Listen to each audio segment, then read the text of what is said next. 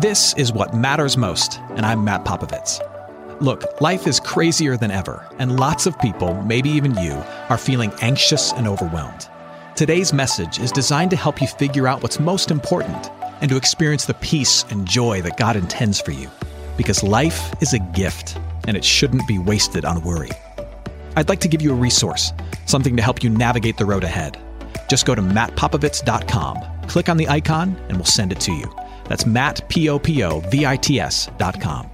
And hey, if you happen to live in the Houston area, I'd love to see you on a Sunday morning at St. Mark in Spring Branch. Head to stmarkhouston.org to plan your visit. Here's today's message. Thanks for listening.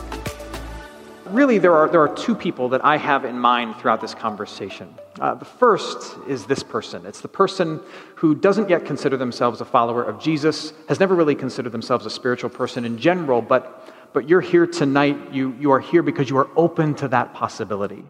You are, you are considering becoming one of those people who claims to have a connection to God. And yet you are, un, you are wondering how in the world we can make our way to that God so that we might have that connection with Him. The other person is someone who, who is a Christian, who has a faith, but for whatever reason you feel like that faith is, is in a dry and struggling season. Like maybe for a while you've physically been coming to church, but your heart hasn't been here for some time. And you are wondering if you can get back to that place where you are, you are feeling a, a very deep and real connection to the grace and the mercy that you believe in. Those are the two people I have in mind. And answering the question, how might you find your way to God again? Over the last several weeks, we've talked about the fact that that journey, I believe, involves five different things, and we're on the fourth one tonight. The first is opening your eyes to the fact that there is a deep longing inside each one of us to know the one who made us. And that it is a longing that we all have, and that so often we try to satisfy that longing in unsatisfactory ways. And that as we try to satisfy that longing that can only be met by knowing the one who made us in ways that ultimately let us down, that then leads to regret and we have to be honest about the regrets that we have from the ways in which we've tried to meet the need that only God can meet. And then we need to open our eyes to the help that we need the help that comes from God to rescue us from our broken state, to give us mercy and grace. And then tonight we're going to talk about the fourth piece. We're not just opening our eyes to longing, not just opening our eyes to regret, not just opening our eyes to our need for help, but tonight we're going to talk about opening our eyes to love. In 1984, the great rock band Foreigner released one of the great rock ballads of all time. And if you happen to be a child of the 80s, like I am a child of the 80s, then you know this song. The song is called I Want to Know What Love Is. And the hook goes like this I want to know what love is. I want you to, say it, show me. Some of you are out there. Some of you have excellent taste in music. Yeah. I want to know what love is. I want you to show me. Well, tonight we find the prodigal son at a point in this story where he is going to learn what true love really looks like. He's going to learn what real love is. In fact, the big idea for our conversation tonight is this that there are lots of loves that you can have in this world, and they may be worth their weight in gold. The love you have between you and your spouse, the love you have for your children, the love you have for your parents, your siblings, your best of friends, those are good and beautiful things, but they pale in comparison to the love that God the Father has for people who have messed up their lives that the love that God the Father has for broken and imperfect, reckless and rebellious people is the truest, most perfect, and most beautiful version of love. And until you know that love, you don't really know love at all. Because everything else is a distant second. That's what we're talking about tonight. When we meet the prodigal son tonight, that's where he's at. He is assuming that he is completely disqualified from the Father's love. Let's look again at what happens. Luke chapter 15, starting at verse 1.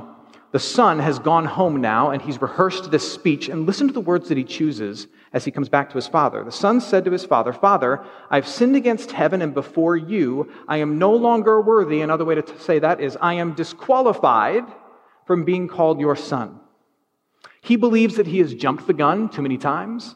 He has broken too many rules, and so he is no longer qualified to be received back into the Father's family as a son. And, and now here's the interesting thing he's, he's actually right. He's technically correct. According to every cultural and theological standard of the day, uh, there was no reason for the Father to receive the Son back into his home. Because what everybody understood then, and we still kind of understand today, is that human love does, in fact, have some limits. Because we are broken and imperfect people, our love for other people does have some logical limits.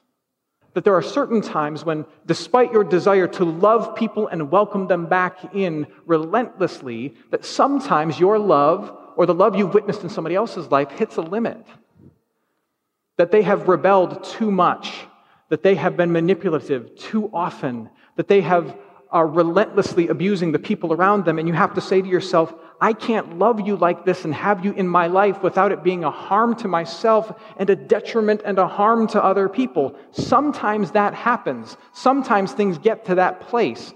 Human love has limits. And when we reach the prodigal son in this particular moment of the story, he is assuming, and everyone hearing Jesus tell this story is assuming, that that's the point that the father is going to be at. He's at the logical limits of human love. That it was perfectly appropriate for him to not receive the son back, or at the very least, receive him back kind of at arm's length, perhaps as a servant, as the son suggests.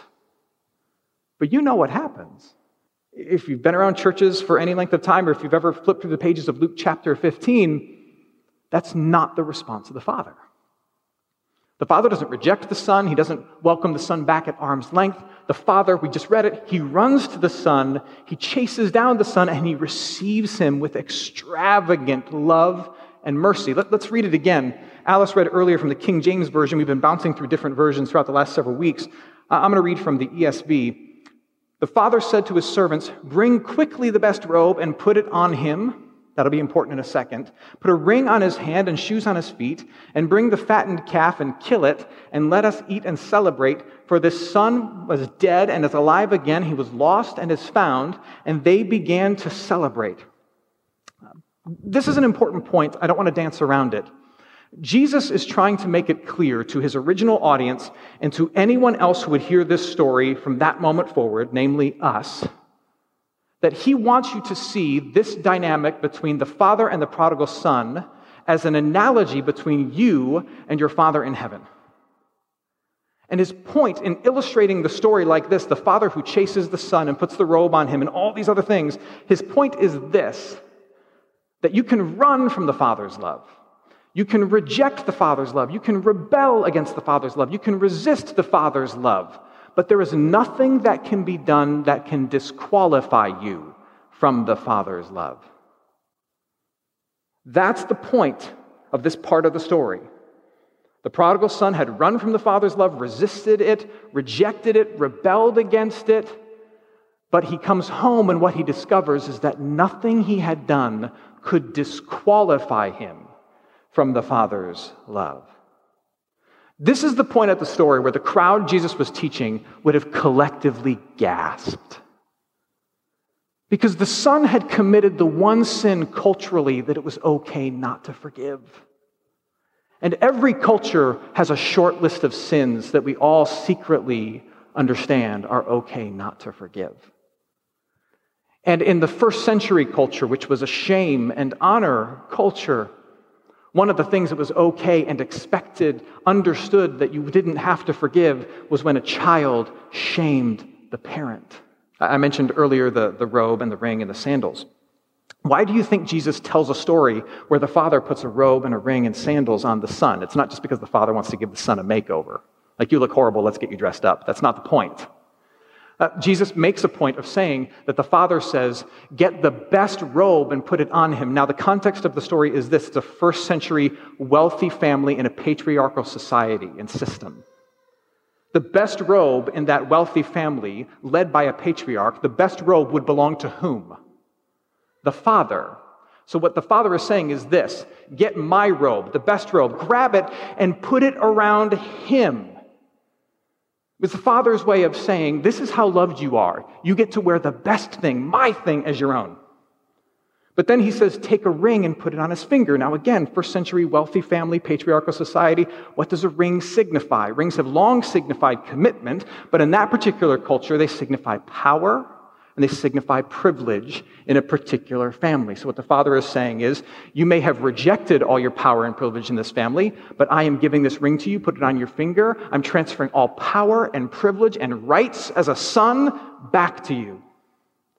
And then he says, put sandals or shoes on his feet. Why? Because in a first century Hebrew home, only the home owners were able to wear their shoes inside the home. Everyone else, servants and slaves, had to go barefoot. Remember, the son came back and said, I'm willing to be a servant or slave. The father says, No, you're going to wear you're going to wear shoes in our house. It's his way of saying, I know you came back humble and willing to be a slave, but you will always, in my eyes, be treated as a son. Here's some shoes for you. The son has done the worst of things, but the father doesn't only forgive him, but receives him back and tangibly, physically wraps him in an overwhelming gesture of not just mercy and grace, but beyond restoration, he is setting this son up as the most blessed, most privileged, most beloved person in the family. It is a ludicrous and illogical level of love given the sins he's committed. That's the picture Jesus is painting. And for Jesus, that is love. That is the highest version of love. Those who are technically disqualified being totally and completely received as a son, as a daughter, as a person of privilege and a member of the Father's family. That is the highest order, the greatest picture of love in the world. That's Jesus' point. And he's saying that's how the Father feels about you. Hey, friends, it's Matt. If you're listening to us in Houston and you're looking for an excellent education in a Christian setting for your student, I'm inviting you to take a tour of St. Mark Lutheran School in Spring Branch. We serve infants through eighth grade with an excellent faculty, brand new facilities, and a faith forward curriculum. To schedule your tour, head to gostmark.org.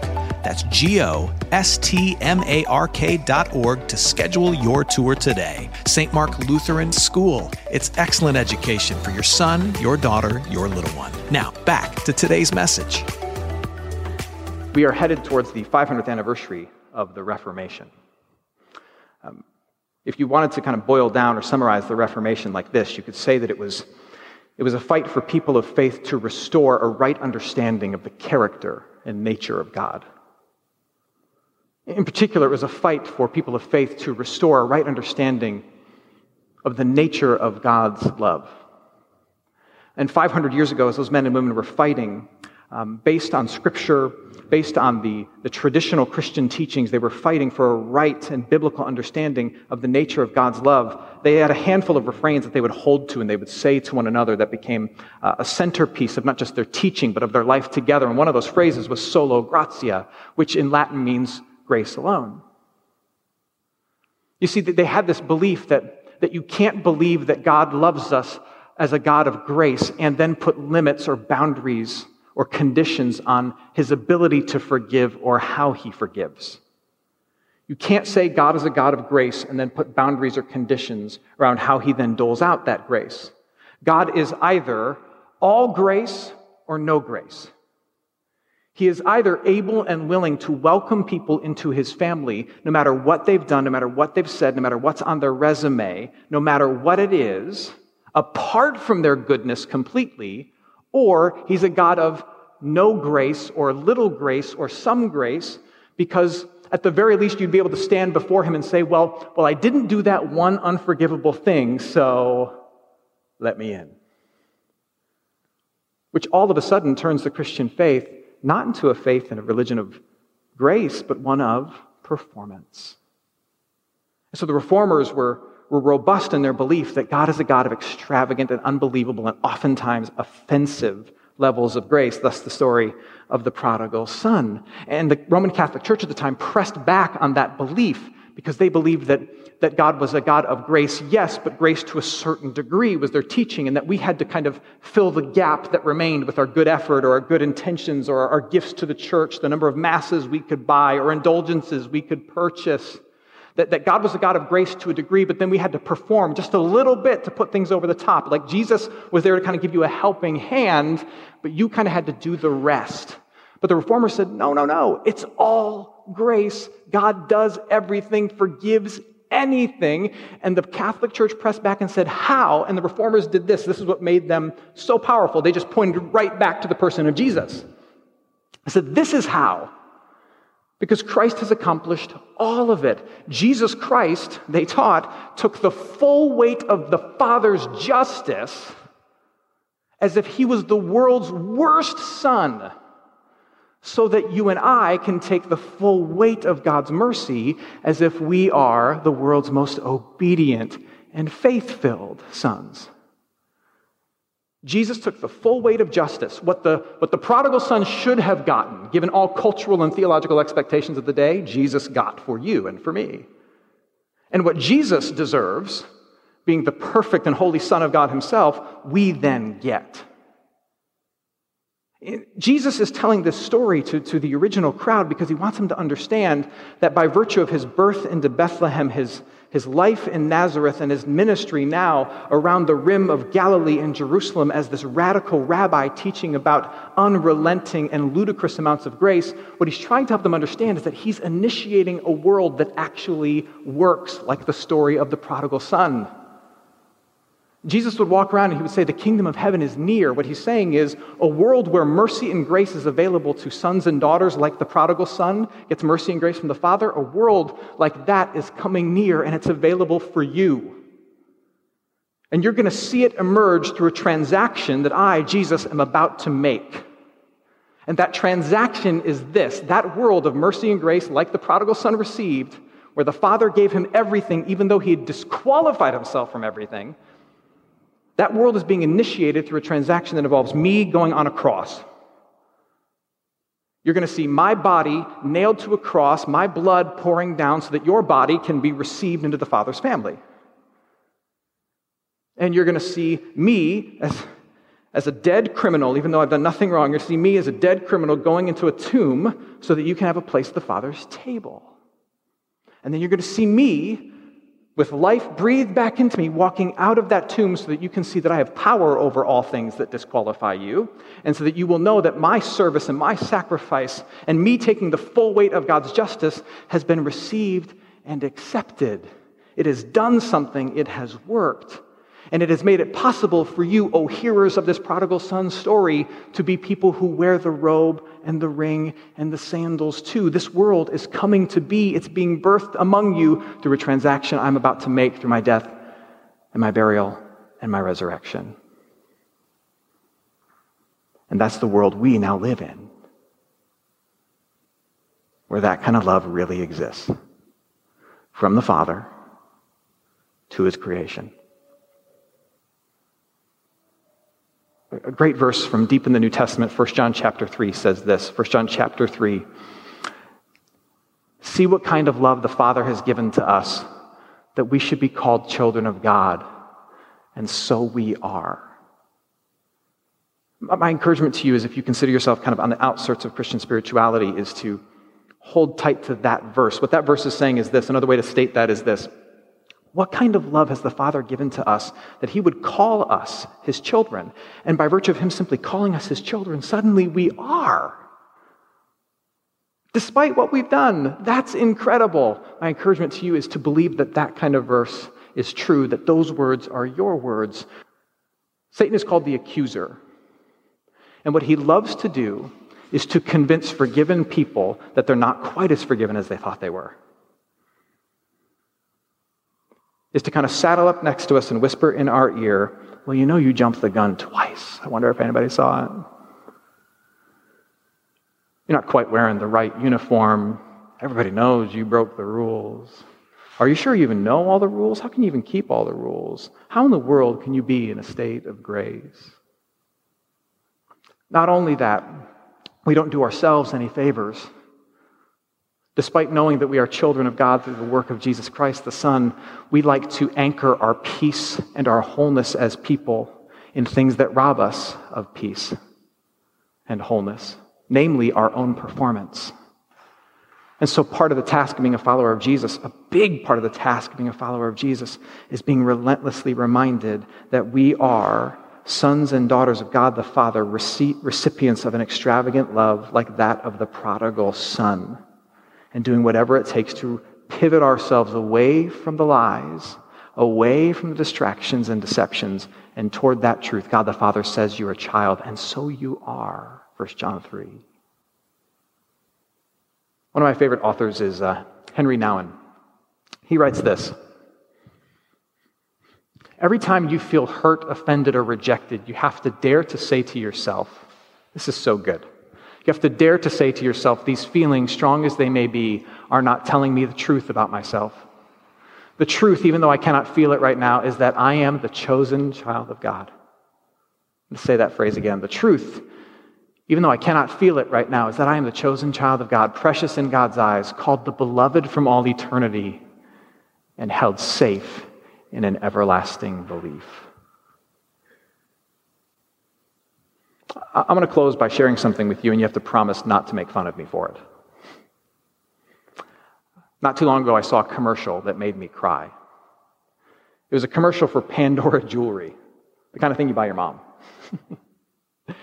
and you may have seen this commercial that aired you know, a couple years ago.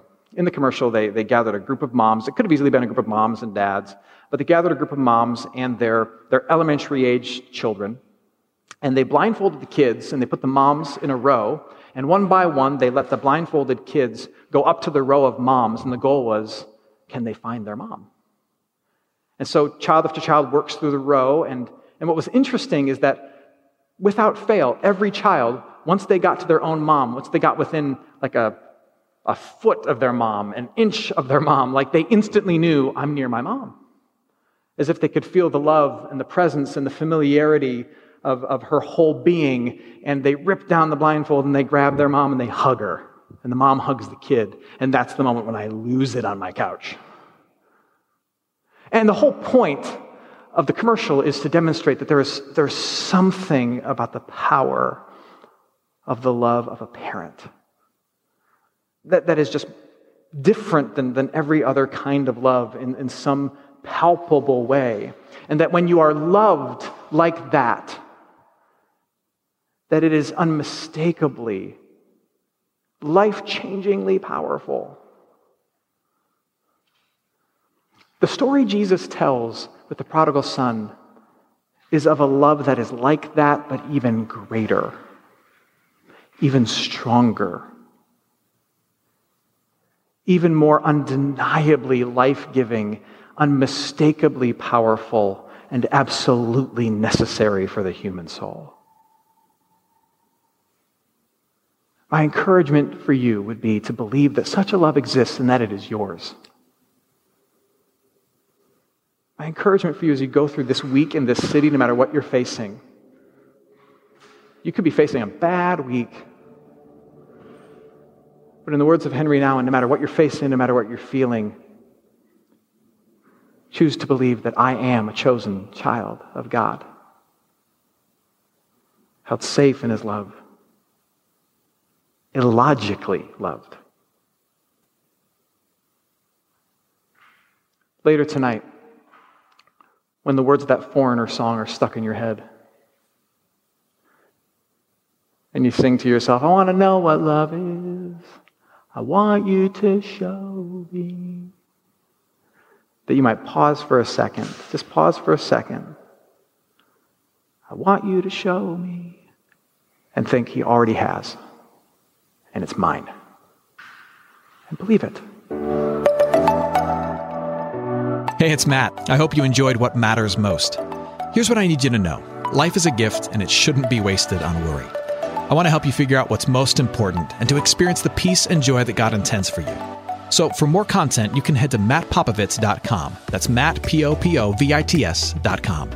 There, you can also support this ministry as well as access your free resource, a little something to help you navigate the road ahead. I'd also love to see you on a Sunday morning. If you're in the Houston area, head to stmarkhouston.org to plan your visit. In the meantime, hit me up on Instagram at mpopovits or at facebook.com slash Matt Popovits Ministries. Thanks for listening. Now go and hold tight to what matters most.